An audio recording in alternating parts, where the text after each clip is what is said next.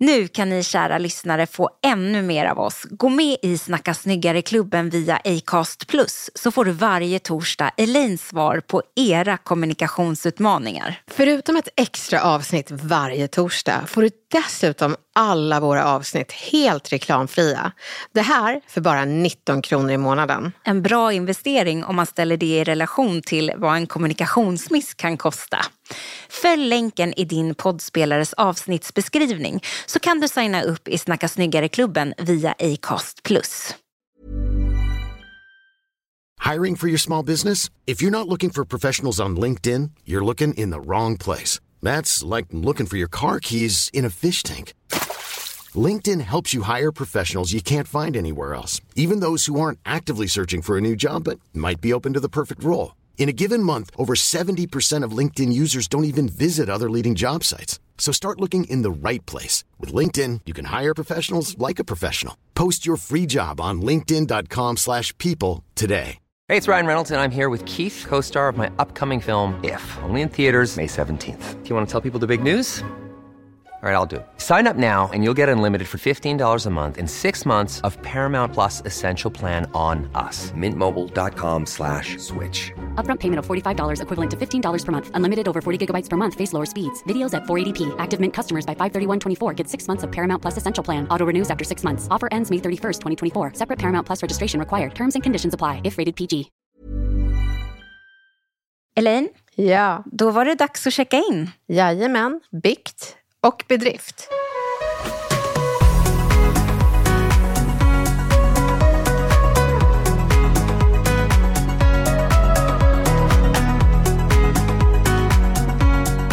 Det här är Snacka snyggare Med Elaine Eksvärd, och Camilla Samek. välkommen. Hur mår du förresten? Ja, men det är bra. Jag älskar bikt och bedrift. Särskilt bedrift, för jag har så mycket bikt på lager. Så. Oj då. Ja. Ja, men då får du börja. Vadå oj då? Det har väl Nej. du med? Alltid. Ja, nu lät det som Moder Teresa här. Det gillar jag Nej inte. då. Nej. drar jag ner dig på jorden. Du får, du får börja i alla fall. Ja, jag börjar, jag börjar med min bedrift då, för det känns bättre. Och det är att jag har lärt mig att säga nej utan att få personen att känna sig mindre okej. Jag har haft massa ambitioner att träffa massa folk. Jag vill träffa folk, men eftersom jag nyligen kom ut som introvert, det vill säga att jag laddar batteri i ensamhet och älskar att vara själv, så um, har jag ju gått i ett gammalt eh, extrovert mönster. Jag har ju spelat extrovert, för jag trodde att jag var det väldigt länge och varit helt slut. Så att inse att man är introvert, det är en sak, men att agera i respekt till sitt eget energibatteri är en annan. Så jag gick på gamla mönster och bjöd över en av mina allra bästa vänner med sina två barn och sin man. Och eh, Gustav och jag har tre barn och fem barn är för många barn, i, i min mening. Eh, jag tycker mina är det ibland. Jag älskar dem, men jag måste ta mikropauser. Så de var över hos oss. Vi hade en planerad eh, träff och eh, sen så skulle de också komma nyligen. Men eh, då insåg jag att det orkar inte jag. Ehm, eh, så att, eh, då sa jag, vet du, jag måste ladda batterierna. Jag, jag kommer inte orka ha en träff just nu. Och jag var ju rädd i den där mikrotystnaden som hon hade kvar. Hon sa, gud, jag förstår. Och den lättnaden. Och sen fick jag ett sms från henne eh, där det stod, jag älskar dig. Och det är så stort från henne. För hon är en sån här som liksom krystar fram såna ord. Och det är inte efter nio månader utan efter en hel vänskap. Jag är ju väldigt generös med mina känslor och känns, eh, kärleksuttryck. Så jag brukar ju liksom dra det ur henne. Jag bara, du älskar mig va? Jag älskar mig, du älskar mig. Och då är hon så här, sluta. Så nu kom det av henne efter jag hade satt en gräns. Hon kunde fortfarande känna kärlek till mig. Så det känns som att jag har gått ett helt liv och försökt eh, passa in när jag egentligen har varit accepterad och älskad precis som jag är. Introvert Ferdinand. Jag får sitta under min korkek. Jag får sitta under min korkek. Jag får sitta under min kuk. Förlåt. Men kan vi bara... Ja, så jag, jag kan sitta där under min korkek. ja, kuken. Så jag kan sitta där under min korkek.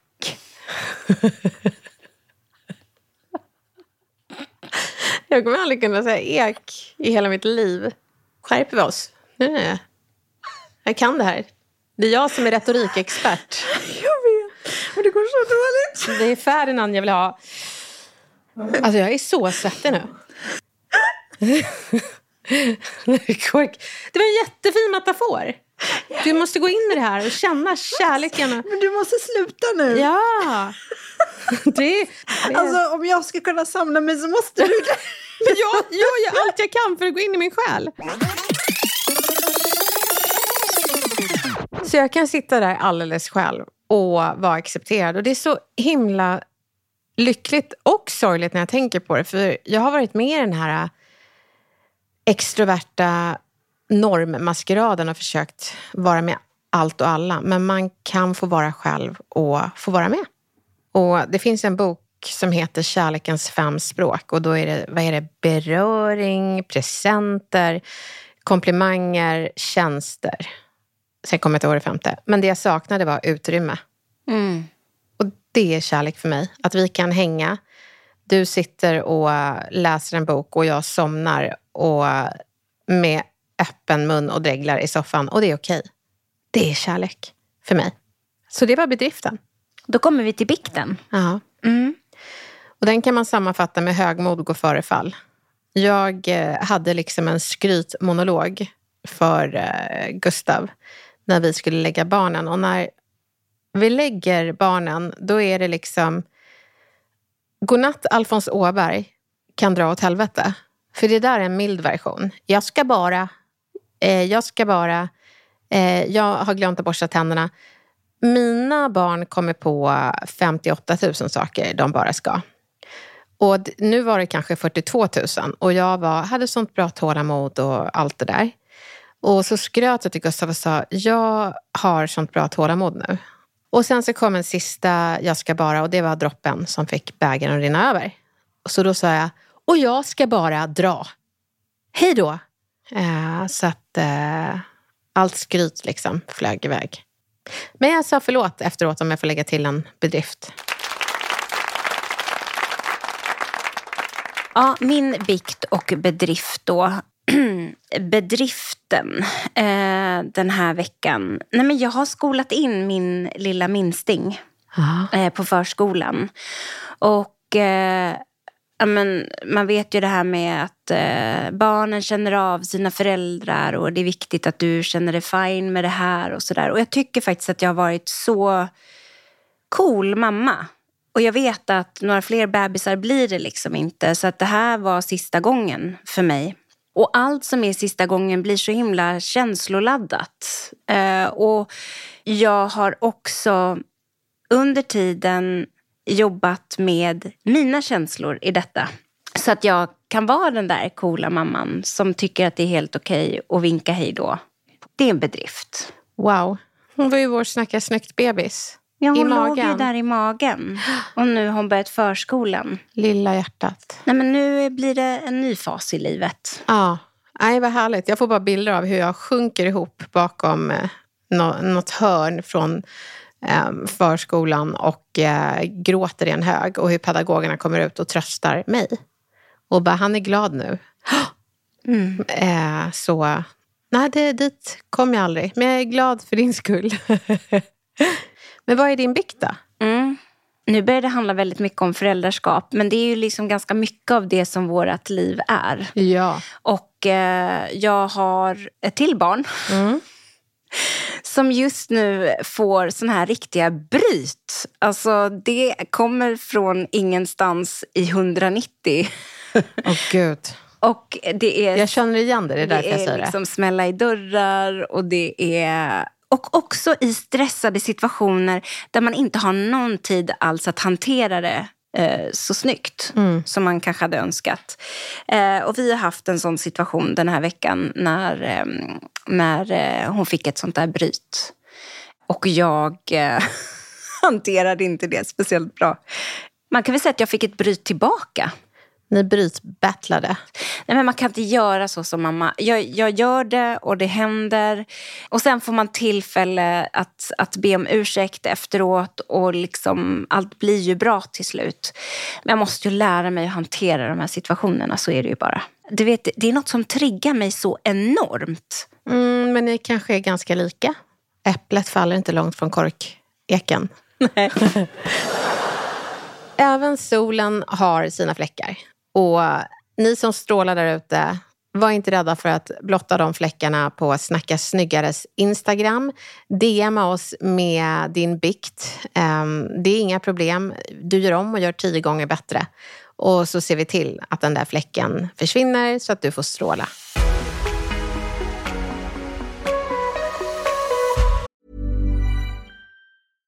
Hiring for your small business? If you're not looking for professionals on LinkedIn, you're looking in the wrong place. That's like looking for your car keys in a fish tank.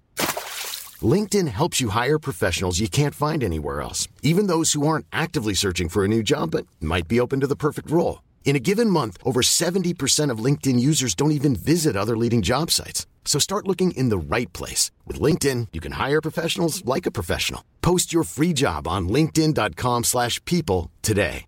Wow. Nice. Yeah. What you're hearing are the sounds of people everywhere putting on Bombas socks, underwear, and t-shirts made from absurdly soft materials that feel like plush clouds.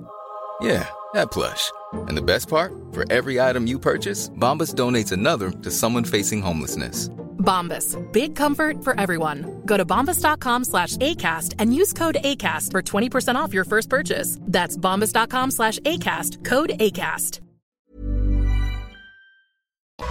Elin, det här med pondus, det är så himla intressant. Jag frågade en eh, kompis häromdagen vad hon tänker om sin pondus.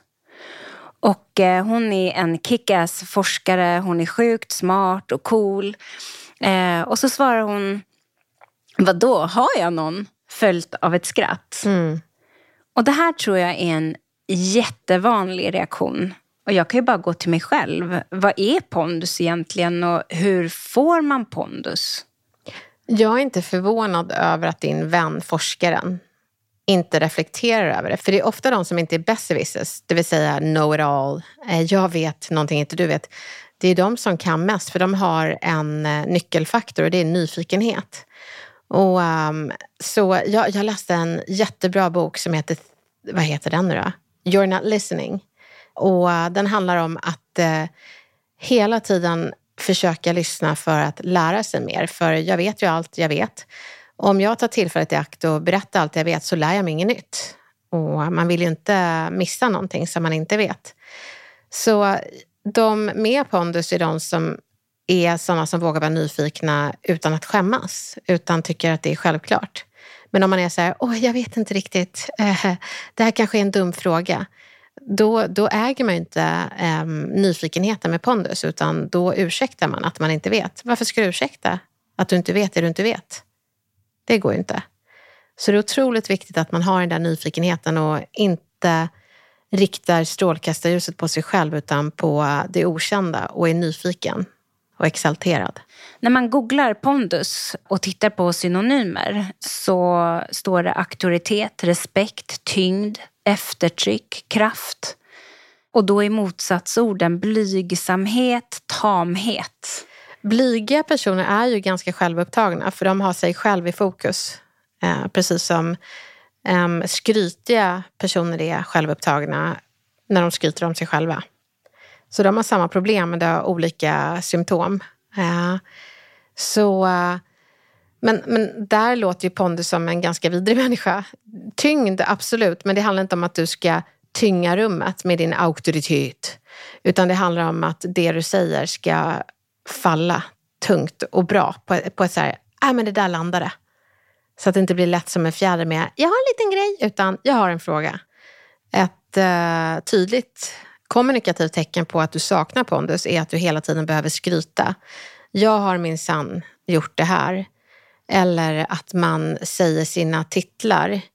Herregud, jag vet inte hur lång tid det tar innan man berättar vad man heter. Det är också ett tecken på osäkerhet. Och det får ju folk att känna sig obekväma. Eller sådana kollegor som säger, jag har jobbat här i eh, nio år och jag vet. Varför måste du berätta att du jobbar här i nio år? Jag menar, om du vill övertyga dina kollegor om att det här är en bra idé så ska inte din titel eller tid på jobbet vara det som övertygar dem, utan det du faktiskt säger. Och då är argumentationsteknik mycket bättre, det vill säga ha fyra argument, ett fakta, erfarenhet, känsla och motargument som gör att de känner att det här är bra. Det här är bra istället för att du är bra, så jag litar blint på det du säger. Men hur skulle du beskriva en person som har pondus? En person som har pondus är ganska kortfattad, behöver inte en massa argument för att övertyga folk, utan ett argument som de djupdyker i. Går ner i ton i slutet av meningarna. Att man eh, inte pratar som en sportkommentator utan vågar ta sig tiden att eh, säga det man ska och låta folk ta sig tiden att marinera det du precis har sagt. Det är jätteviktigt. Så de som pratar så här, och jag ska bara säga en liten sak. Nej, du behöver inte prata så snabbt. Då är det som att, förlåt att jag tar ut talutrymme här. Det är inte du som tar talutrymme, utan nu låter jag det här få utrymme, för det är viktigt. Det är inte jag som är viktig, det är det. Och det tror jag att jag har nämnt förut. För när jag sökte praktiktjänst så sökte jag jobb hos kungen och eh, SVT. Och då var det många som bara, äh, vem tror hon att hon är? Men jag tänkte ju inte att det är jag som söker, utan jag har hittat det här retorik. Och varför ska jag skämmas för det? Det är skitbra grejer. Så det är det som har gjort att jag har vågat ge plats till retorik och eh, det får plats här i podden. Det handlar inte om mig eller Camilla, utan det är väldigt många kan relatera till och eh, få hjälp med. Pondus är när du istället för att ursäkta dig själv äger det du säger. Och då tror jag det är bra att se till eh, situationer där risken för att tappa pondus är stor, som till exempel i en löneförhandling. När du säger att du vill ha en viss lön, att du inte gör det ursäktande. Och det är lättare att göra det om du tänker på det arbete du gör och vad det är värt istället för att sätta pris på din person, för det är ju obekvämt.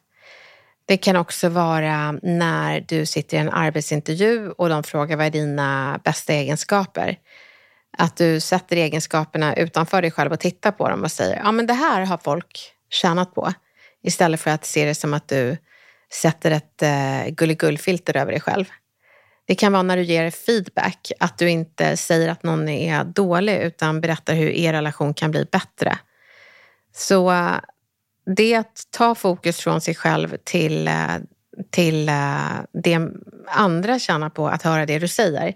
Då får man lättare pondus. Och rent retoriskt så är det att använda säkra påståenden, så här är det, istället för jag tror nog kanske att det skulle kunna vara. Det är att gå ner i ton i slutet av meningen. Det är att eh, ha ögonkontakt. Det är att eh, våga vara svag utan att skämmas. Det är pondus. För folk sätter sånt stort pris på, att, eh, på mänsklighet. Eh, Medan vi slösar så mycket tid på att skryta. Så vi, vi, du, du ökar ditt aktievärde genom att berätta att jag fick sånt bryt. Då älskar folk dig. För att du har pondus och självförtroende och, och, och förtroendet i dig själv som mamma. Att man kan vara en bra mamma och vara människa. Det ena utesluter inte det andra. Kan man ha olika pondus i olika sammanhang? Kan man till exempel ha pondus hemma men inte på jobbet? Eller man har pondus liksom i olika situationer? Ja, och det är därför man ska se kommunikation som en karta och fundera på vilka landskap har jag eh, utvecklingspotential?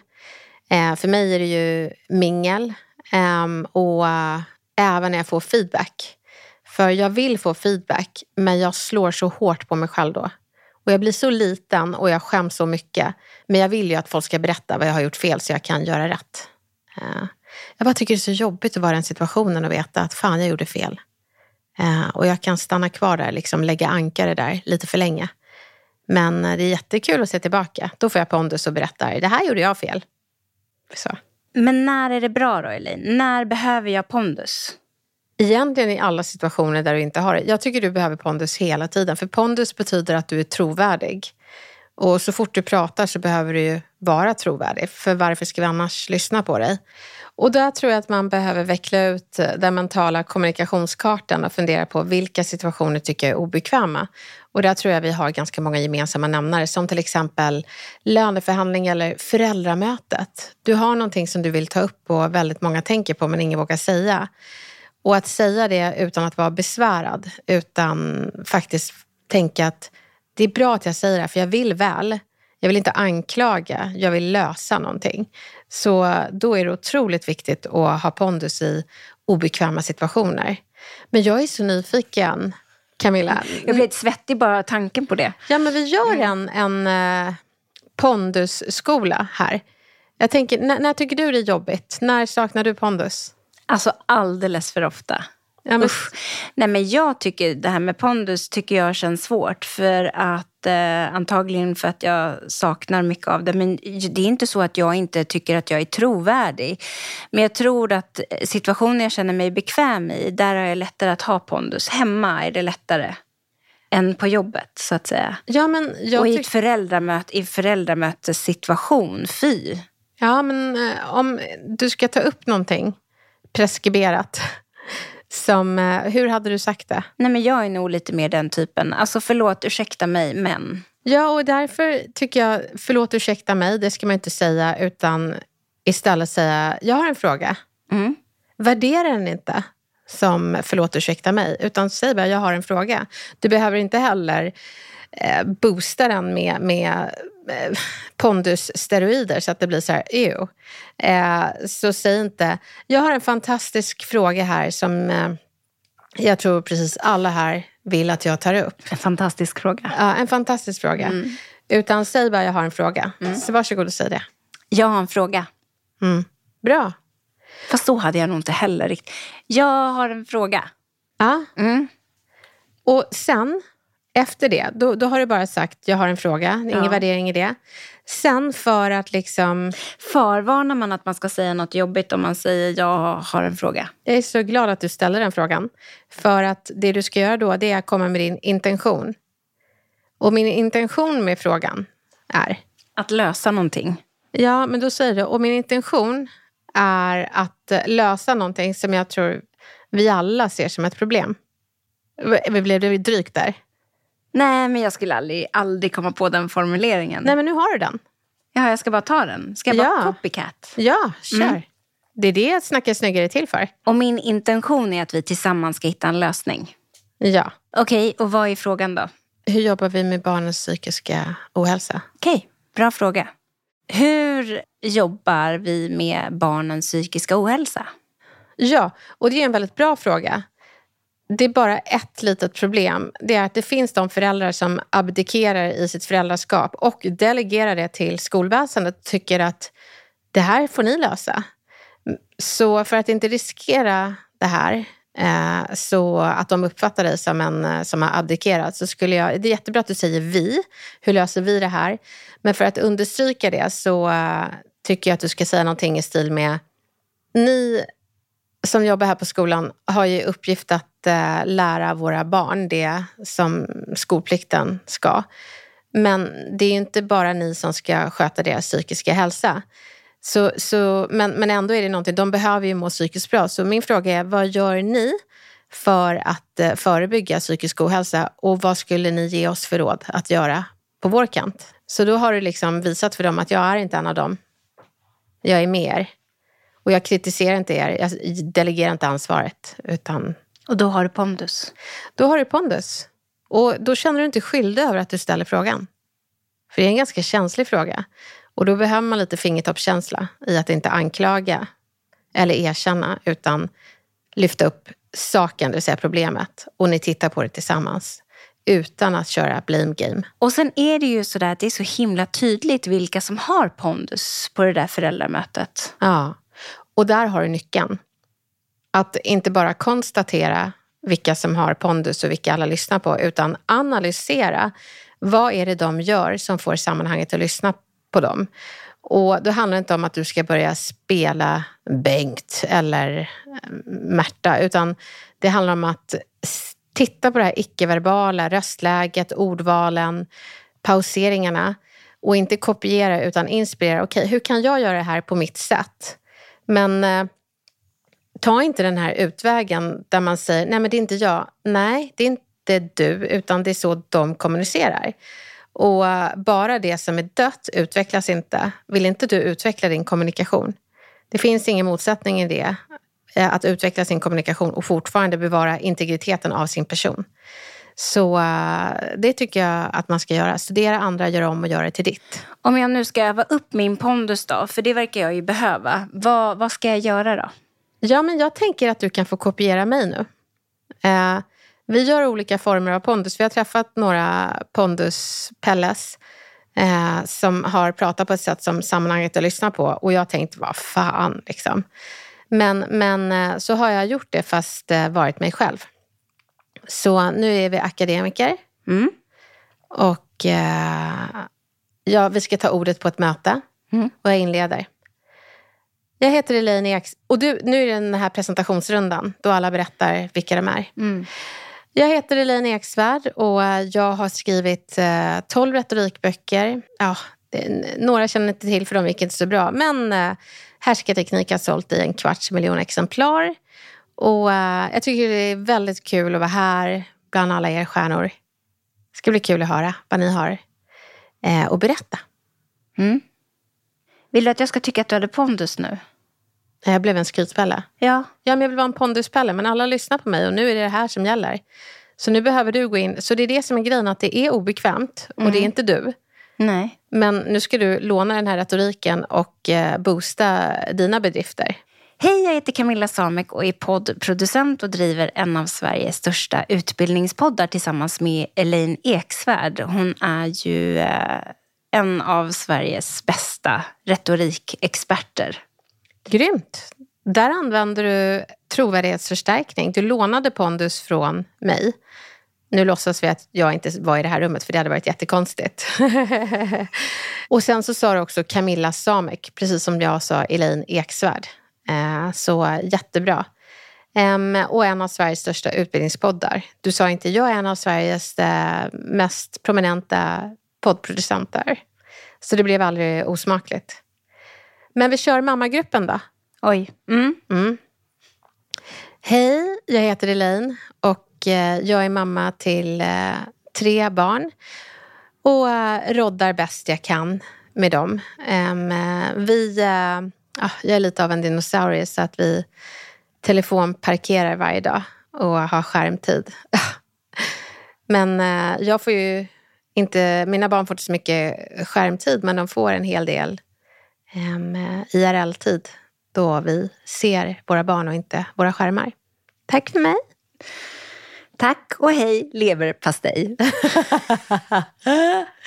And I'm out. Uh, Ja. Nej, men uh, okej. ehm. Hej, jag heter Camilla och jag är också mamma till tre. Eh, varav en är en liten sladdis här. Och eh, jag är lite orolig att hon ska bli så himla bortskämd. Eh, för att det är som att hon får all uppmärksamhet och att hon får som hon vill hela tiden. Så att det jobbar vi ganska mycket med hemma nu. Att vi alla liksom ska hjälpas åt så att eh, hon inte blir eh, den där lilla bortskämda trean. mhm. Hur mår dina andra barn egentligen? Men de, de, eh, de mår toppen faktiskt, tack. Ja. Vet du det? Jag tänker på att du inte ser dem. Ja. ja, nej. Vad skönt det är höra din ilska. Ja. Det här du ska ta upp din mentala bazooka och skjuta mig. nej, men de mår toppen och de älskar ju sin, sitt lilla syskon. Så att, eh, nej men det... Du bara, jag kommer aldrig mer komma tillbaka hit. Känner du min passiva aggressivitet? Det är det. Luften. Väldigt subtilt. Men, men grejen är den att eh, jag la in en joker här nu. Det finns ju de som eh, lyfter sin pondus på bekostnad av andras dåliga samvete. Så att eh, här var det faktiskt jag som gjorde fel och du gjorde rätt. Och jag blir nog utkickad, hoppas jag, ur den här mammagruppen. Så man behöver leverera pondus med att blotta halsen lite grann och säga det att eh, jag har varit en skärmzombie och eh, missat åtta år av mina liv. Jag hade en av eh, Sveriges största bloggar på bekostnad av att jag bara såg content överallt. Eh, så nu har jag gjort en helomvändning och vi har skärmparkering. Men det säger jag inte från några höga hästar utan från en skärm. Mm. Mm. Så, så det är också pondus, att våga blotta sig. Och du fick ju enorm pondus när du bara, i motsats till mig, berättade jag är så rädd att hon ska bli så bortskämd. Eh, och det jag gjorde var att jag klättrade lite på ditt dåliga självförtroende där. Och bara, hur mår de egentligen? Oj, ja, det är så olika det där. Mm. Och det är, så, det är så olika det där. Det är sådana som eh, använder människor som trappsteg för att klättra upp i sin pondus. Ehm, Men är det pondus då? nej. Och vi behöver också veta vad pondus inte är, vad fallgroparna är. Ja. Och det är, det är så olika det där. Jaha. Du, hur ofta tränar du? jag älskar att du kliar dig. Så att du har någonting att göra innan du svarar. Hur ofta jag tränar jag? Nej men jag tar ju ändå ganska många promenader. Ja, Ja. ja du ser det som träning. Mm. Det är så olika det där. Mm. Mm. Om mm kunde ha undertexter. så säg inte det så olika det där. Din pondus ska aldrig vara på bekostnad av någon annans eh, pondus. Nej. Utan folk ska gärna bli inspirerade, inte hotade av dig. Eh, och det gäller ju pondus i jobb. Jag, jag, säger man, drar alltid öronen åt mig, säger man så. När en underleverantör som jag anlitar klagar på en kollega i branschen. Och inte säger jag är bra, utan vi är bättre än dem. Det, det är inte pondus, det är också, det är så olika det där fast i annan form. Nej men det är som när man eh, löneförhandlar och pekar på andra människor och säger men den där personen har ju det och jag är mycket bättre. Det är också en fallgrop. Du ska inte blanda in andra personer, inte heller din, utan helt ha laserfokus på din bedrift. Det ska stå stadigt. Nej men och det där är ju också lite klassiskt. Den här känslan av att andra som kanske gör mindre har eh, inte samma kompetens men tjänar mer. Eh, och även om inte det ska in i en löneförhandling så kanske det är en, liksom en känsla man går omkring med. Ja, det handlar till viss del om att de gör mindre och tjänar mer. Men problemet är ju inte att de gör mindre. Problemet är att du inte berättar vad du gör för någonting som är mer. Så du behöver ju kasta ljus på de blinda fläckarna i dina prestationer som chefen har missat. Um, och det, det är så här, jag får ju upptäcka vad mina anställda gör ibland. Men gud, har du gjort det här? Ja, men du måste berätta sånt här för mig. Uh, för det har jag missat. Ja, men vadå, det kan jag inte berätta. Jo, det måste du berätta för att jag ska kunna ge en rättvis lön. Vad skulle det kunna vara till exempel? Nej, men det kan vara... Jag såg till exempel en kollega som har hand om våra sociala medier. Hon har lagt in en meny som är grafiskt jättesnygg och tidsinställt saker för att kunna jobba hållbart. Och hon har hittat ett arbetssätt som precis alla skulle kunna tjäna på. Hon skulle kunna minska stressen och sjukskrivningarna. Nu har inte vi sjukskrivningar eh, för tillfället. Alla har det någon gång för livet kommer i vägen. Eller så kommer jag i vägen och då måste jag få veta det. Men eh, att att hon då till sin nästa löneförhandling kan ha med sig att jag gjorde en liten ändring för mig själv, berättade den för min chef och min chef tillämpade det för alla. Och det gjorde att risken för sjukskrivningarna eh, sjönk. En sjukskrivning kostar enormt mycket. Sätter man det i relation till den lilla löneförhöjningen som jag vill ha så är inte det mycket begärt och då kan man be om högre lön med pondus. Av det enkla skälet att du inte skäms Mm. Mm, skäms inte.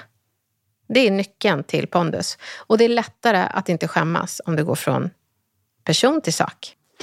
Så från person till sak. Mm, Sänk rösten i slutet av meningen. mm. Våga ha pauser mellan meningar, låta folk integrera det du har sagt. Ehm, och eh, känna att du eh, har, väljer dina ord med eh, omsorg. Ehm, så var inte en kulspruta av ord, utan less is more. Hållningen, alltså hur du, den hållningen du har påverkar hur du talar. Du behöver ingen hållning här Camilla. Jag testade bara. Ja, men gud vad det hade varit skitnödigt. Vi känner ju varandra. Jag har ju, jag, det är det som är så skönt med att ha vänner som man känner. Och Du behöver inte göra något av de här knepen, för jag vet att du kan din skit. När du talar så lyssnar jag. även om man kan känna en viss trygghet så känner man ju också en viss osäkerhet ibland. Mm. Alltså ibland undrar jag vad man kan överhuvudtaget. Det undrar alla. Och det är väl det som är nyckeln, att man, man hela tiden är osäker på hur mycket man kan. För då har man en motor för att vilja lära sig mer. Det är ju värre om du är mätt och glad och bara, jag har koll på allt. Besserwissers, de, utveck- de är ju walking dead, zombies som aldrig utvecklas. Ett kadaver som går runt och inte vill lära sig någonting. Förstår du vad läskigt? Nej, men du, om vi nu ska säga så här att vi alla vill jobba lite mer på vår pondus. Jag vill det i alla fall. Och jag tror att vi har massa poddkompisar som också vill göra det. Vad ska vi göra till nästa vecka? Till nästa vecka så är mitt förslag att du kartlägger dina osäkra platser. Vad finns det för tillfällen som jag tycker är obehagliga och där jag har noll pondus? Nästa gång du är vid de här tillfällena så ska du inte utmana dig själv att vara en pondusdrottning utan du ska studera den som har pondus i sammanhanget och analysera vad är det den gör. Sen när du har gjort den analysen går du hem och testar att göra det på ditt sätt. Du ska inte spela teater, du ska fortfarande vara sann mot din egen person men lägga till lite extra bra kommunikation. Är det framför spegeln då? Ja, och sen eh, så testar du att gå ner i ton i slutet av meningarna. Säg saker som jag har en liten fråga till och säga jag har en fråga. Och inte hamna i de här fällorna, blame game och ni har gjort fel och jag har rätt, utan det ska bli rätt. Så, så ha koll på fallgroparna så att du vet att du inte ramlar i när det väl gäller. Och just det, och fallgruppen var... Att säga jag har en liten sak att säga, prata för snabbt, fylla ut tystnaderna istället för att låta dem bero. Och sen så också att eh, anklaga någon istället för att eh, ja, säga att vi har ett gemensamt problem som vi alla vill lösa. Det, det är vanliga fallgrupper som man kan undvika. Och när vi väl har pondus, vad har vi att vinna på det? Folks öron. Alltså retorik är ju konsten att övertyga, inte övertala. Inte du ska lyssna på mig för jag är smartare, utan de ska känna jag lyssnar på dig för det här är smart. Det är pondus. Och ett kvitto på att du har fått det, det är folks reaktioner. När de bara, gud vad bra det du sa. Tack, jag tänkte på det.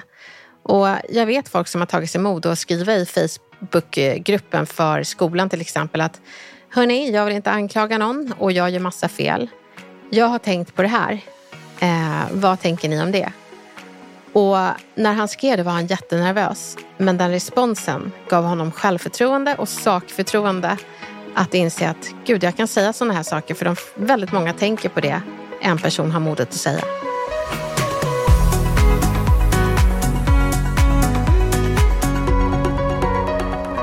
Men, men Camilla, det jag måste säga till ditt försvar, det är, ja du kanske tycker att du saknar pondus, men du har någonting som jag saknar, som jag har, men som folk missar. Och det är, eller jag missar att ge uttryck för, och det är ödmjukhet. Så jag tror att du får, du har så mycket som du vinner i din ödmjukhet som du kanske inte reflekterar över. Där jag många gånger, jag måste ju alltid ha förlåt i bakfickan för att jag har låtit så säker på min sak, men jag är inte det. Jag bara pratar så här. Eh, jag vill jättegärna höra andras åsikter. Så jag, jag har nog eh, jag har inflation i så här är det. Ja, fast du har ju pondusen. Ja, men precis. Men jag behöver lägga till Björn Natthikos citat, jag kan ha fel. För att eh, få folk att våga eh, berätta vad de tror är rätt. Um, det tycker jag är jätteviktigt. Jag läste det i en studie att om man vill eh, vinna de bästa idéerna ur en arbetsplats eller en familj, mm. du har ju väldigt mycket pondus i familjen, man vet vad dina tre barn ruvar på för briljanta idéer. Att man emellanåt säger, jag kan ha, ha helt fel eller säga, jag, jag vet inte, jag är inte riktigt säker på det här. Vad tror du om det? Så att innan du ger dina tankar och förslag, att du lite låtsas vara vilsen. Och uh, då kommer folk våga delge sina idéer. Och när de får din reaktion i den här konstellationen där du har mest pondus, då, då kommer de våga ha pondus i andra sammanhang. Så att jag tror för att eh, så frön av eh, ponduspersoner så ska man våga spela osäker. Så sammanfattningsvis, om vi ska köra Pondusskolan, så är mina råd att kartlägg dina osäkra kontexter där du känner att här saknar jag pondus. Sätt dig där och prestera inte utan analysera de som har pondus i sammanhanget.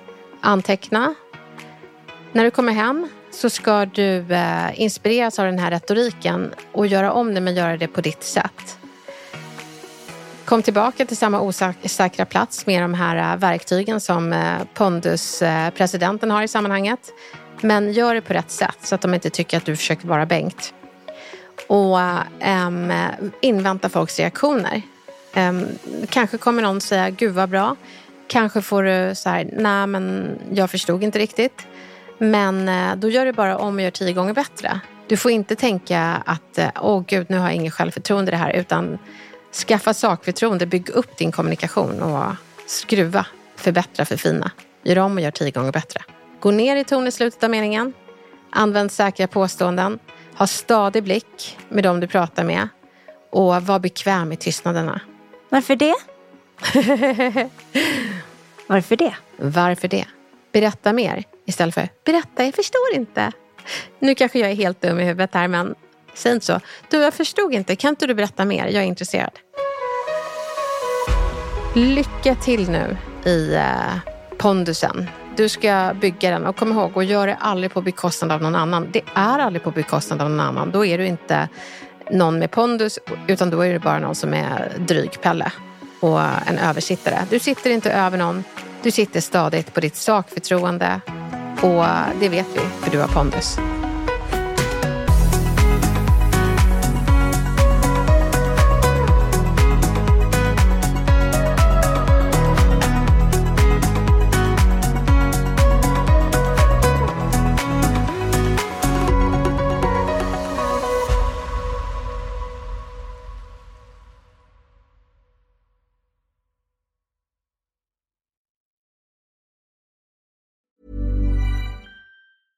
Hey, it's Paige DeSorbo from Giggly Squad. High quality fashion without the price tag. Say hello to Quince. I'm snagging high-end essentials like cozy cashmere sweaters, sleek leather jackets, fine jewelry, and so much more. With Quince being 50 to 80% less than similar brands. And they partner with factories that prioritize safe, ethical, and responsible manufacturing. I love that. Luxury quality within reach. Go to quince.com slash style to get free shipping and 365 day returns on your next order. Quince.com slash style. This message comes from BOF sponsor eBay. You'll know real when you get it. It'll say eBay Authenticity Guarantee. And you'll feel it. Maybe it's a head turning handbag, a watch that says it all, jewelry that makes you look like the gem, or sneakers and streetwear so fresh every step feels fly. eBay gets it. So look for the blue check mark next to that thing you love and be confident that every inch, stitch, sole, and logo is checked by experts. With eBay Authenticity Guarantee, you can trust that feeling of real is always in reach. Ensure your next purchase is the real deal. Visit eBay.com for terms.